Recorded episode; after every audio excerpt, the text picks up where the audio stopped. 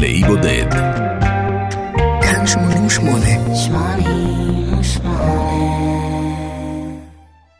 המועד, קיץ 1973. המקום, התקליטייה של כל ישראל, ברחוב הלני המלכה 21 בירושלים.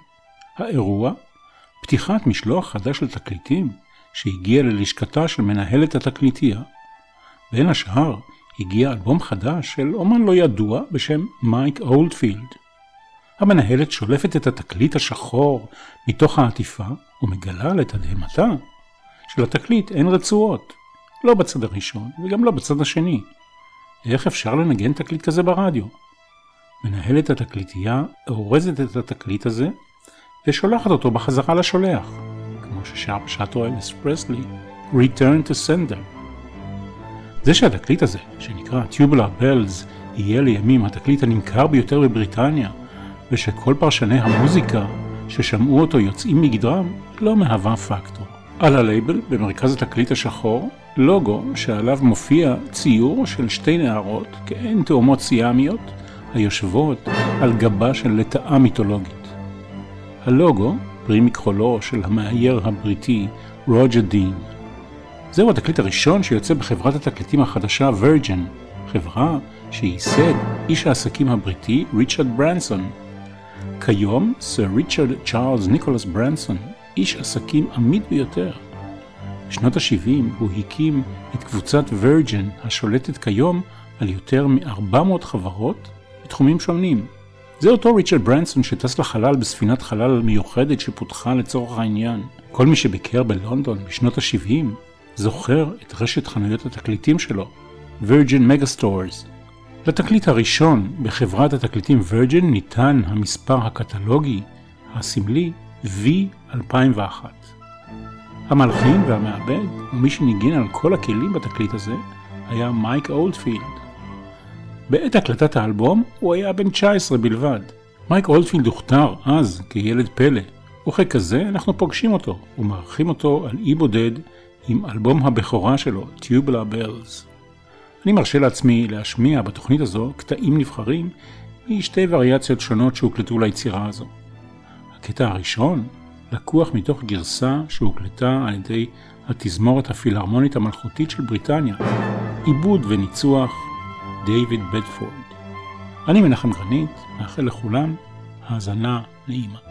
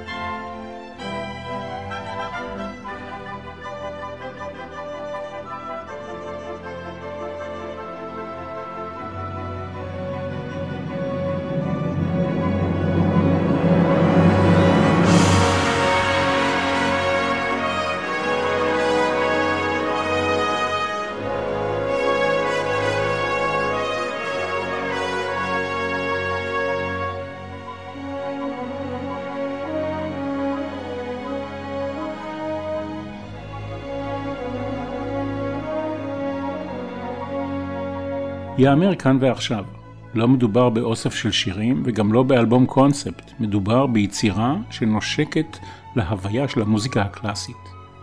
והעובדה שהיא משויכת לעולם הרוק דווקא, נובעת מכמה עובדות. ראשית, האומן עצמו. שנית, בזכות כלי הנגינה שנוטלים חלק ביצירה, חלקם שייך לעולם הקלאסי, אבל חלק אחר לעולם הרוק. וכמובן שבזכות העובדה שמדובר ביוצר צעיר ולא במוזיקאי בוגר המזוהה עם יצירות קלאסיות שלא ביצע אותן או הקליטו כמותן מעולם. לא שמעתי את היצירה הזו שנים רבות, ובשובי אליה, בימים האלה, אני מרגיש שזו פגישה מחודשת עם חבר ותיק ששכחתי כמה אני מתגעגע אליו.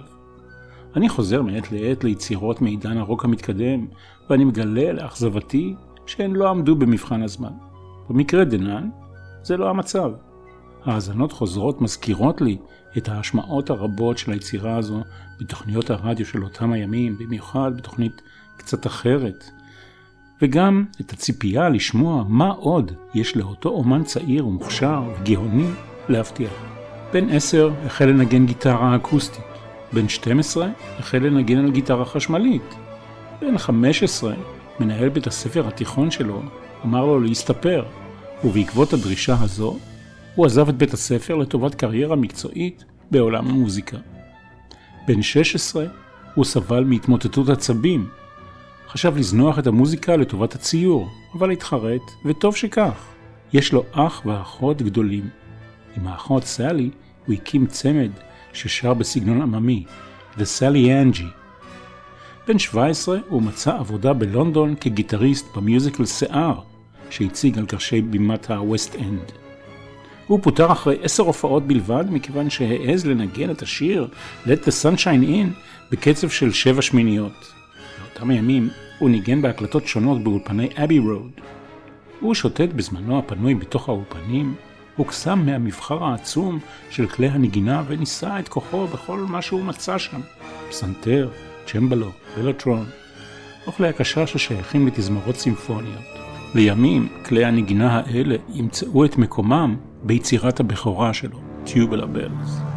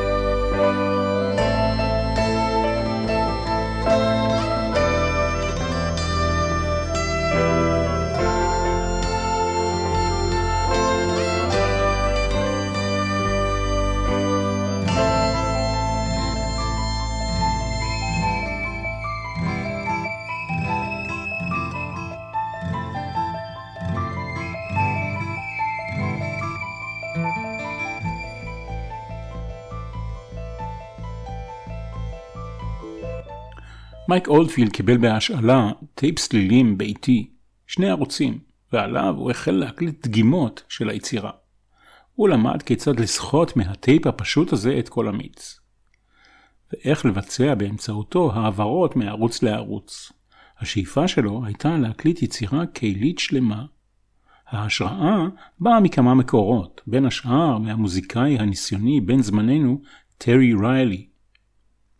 מהטייפ הביתי הפשוט הזה, אנחנו עוברים עכשיו לאולפן הקלטות חדש, שנבנה באחוזה מן המאה ה-16 באוקספורדשר.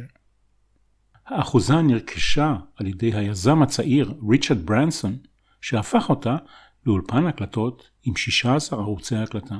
לימים היא תשמש את חברת התקליטים החדשה שלו, וירג'ן. אולדפילד הצעיר והביישן ביקש משני מפיקים ששמעו אותו מנגן בגיטרה והתרשמו לארגן עבורו זמן אולפן מהבעלים, ריצ'רד ברנסון. קדמו לכך ניסיונות של מייק אולדפילד לעניין חברות תקליטים כמו CBS, EMI ואחרים במוזיקה שלו. כולם הפנו לו עורף בטענה שאת היצירה הקהילית שלו אי אפשר יהיה לשווק. בצר לו ובתסכולו כי רב, וגם בגלל מצוקתו הכלכלית נודע לו כי ברית המועצות משלמת למוזיקאים שהם מוכנים לבוא ולהופיע אצלם.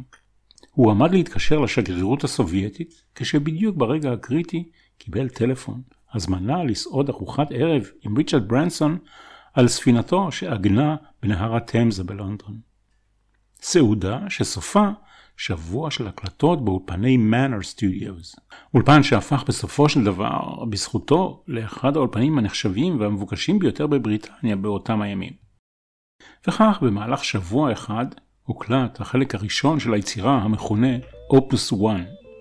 מייק אולדפילד ביקש שיזכרו למענו כלי נגינה שונים לטובת ההקלטה. גיטרות מקלדות שונות וכלי הקשה.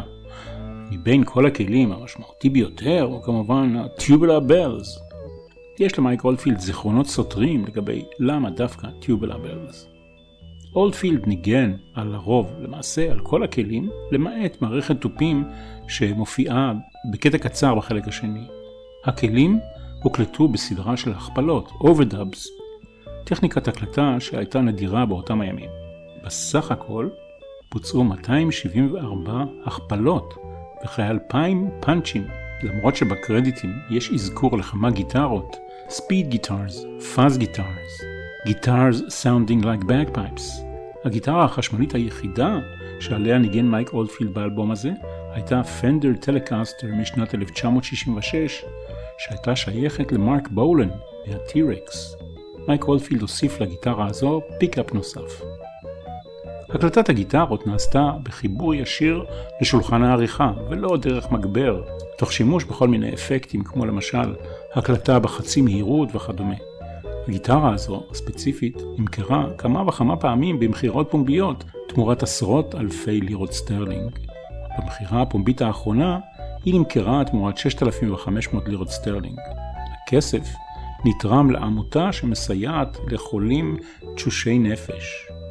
אמו של מייק אולדפילד סבלה מבעיה נפשית לאחר לידת אח צעיר למייק אולדפילד, שנולד עם תסמונת דאון ונפטר כמה שבועות אחרי לידתו.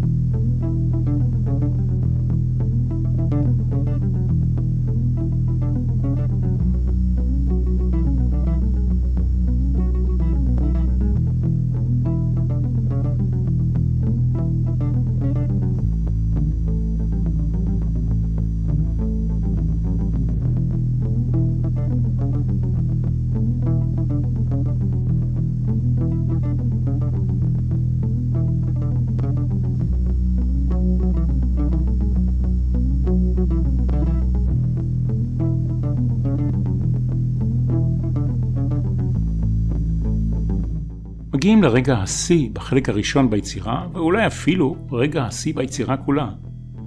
ויויאן סטנשל, לשעבר חבר להקת הרוק הקומית הבריטית, Bonzo Dog Doo-Dah Band, היה אמור להתחיל הקלטות באולפן.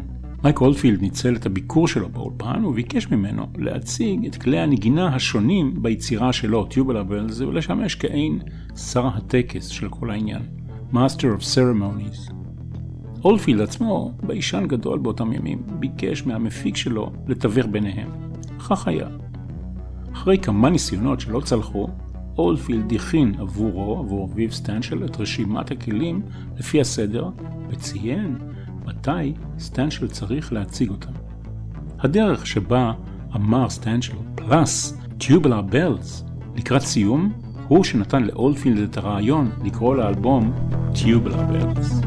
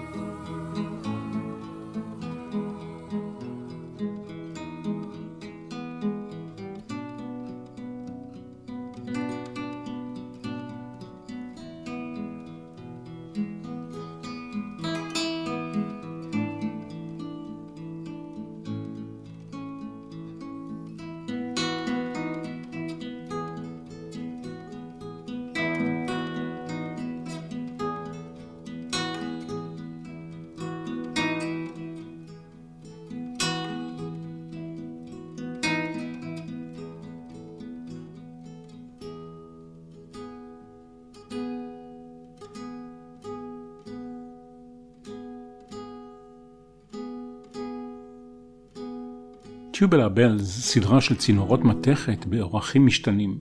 כאשר מקישים עליהם, הם משמיעים צליל המזכיר קול של פעמוני כנסייה.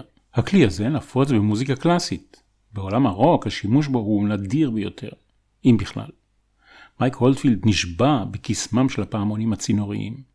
יחד עם זה, הצליל שהוא רצה להפיק מהכלי ביצירה התברר כבעייתי.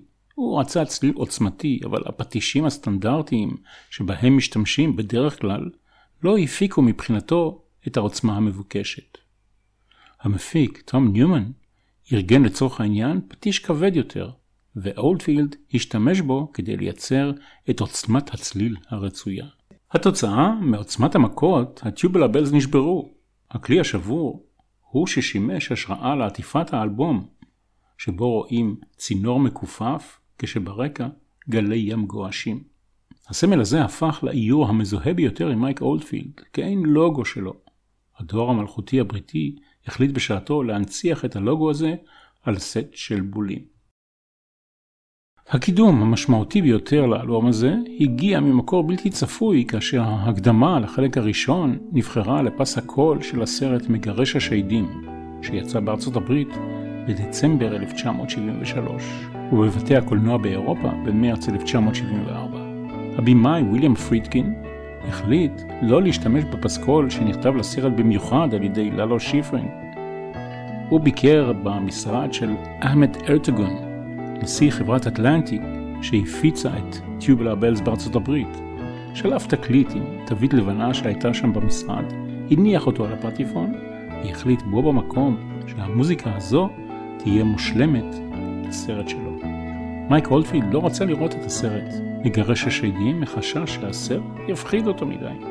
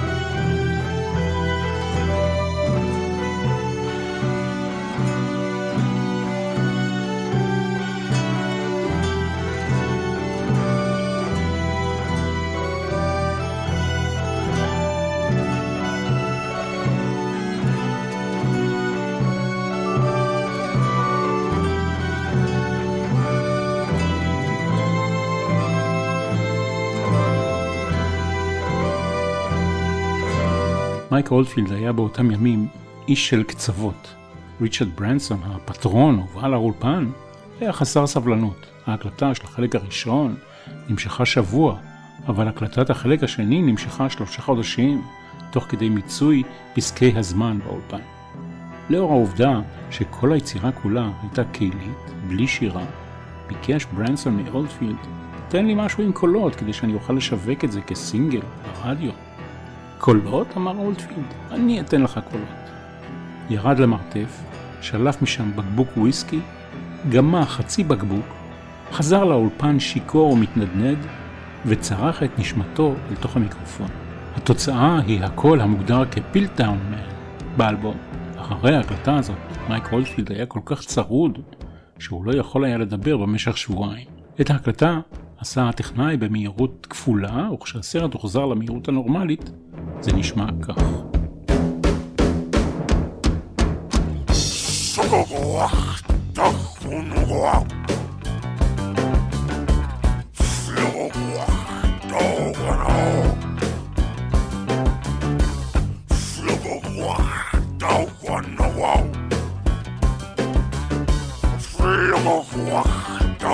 Wow.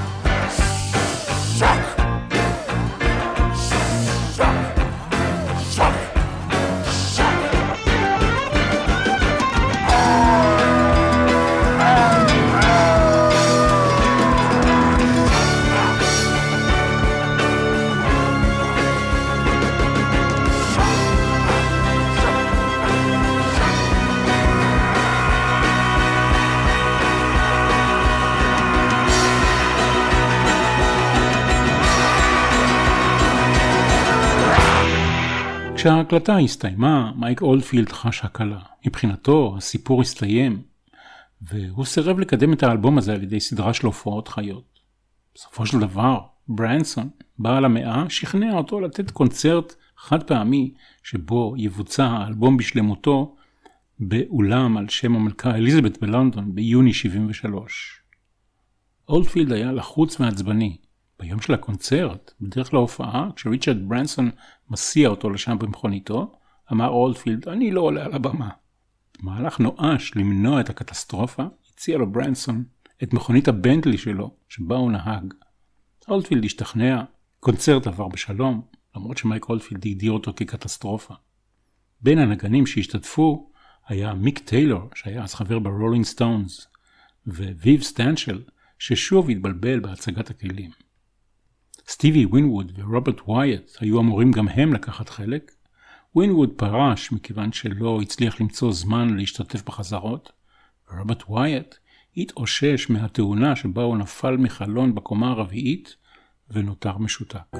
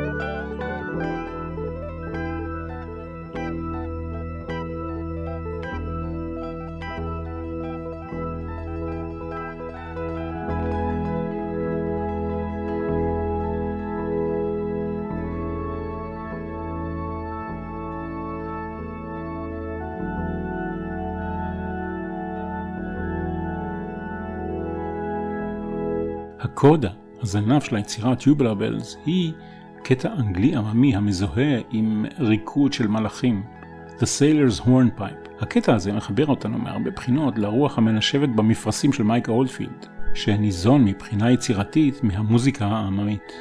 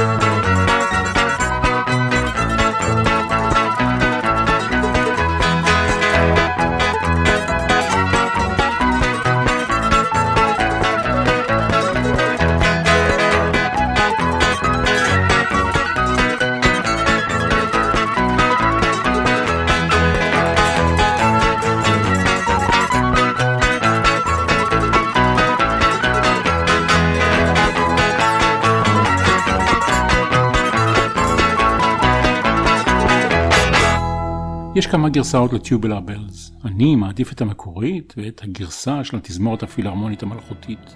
טיובלר בלז היא יצירתו הידועה ביותר, אם כי לא בהכרח היפה והעשירה ביותר.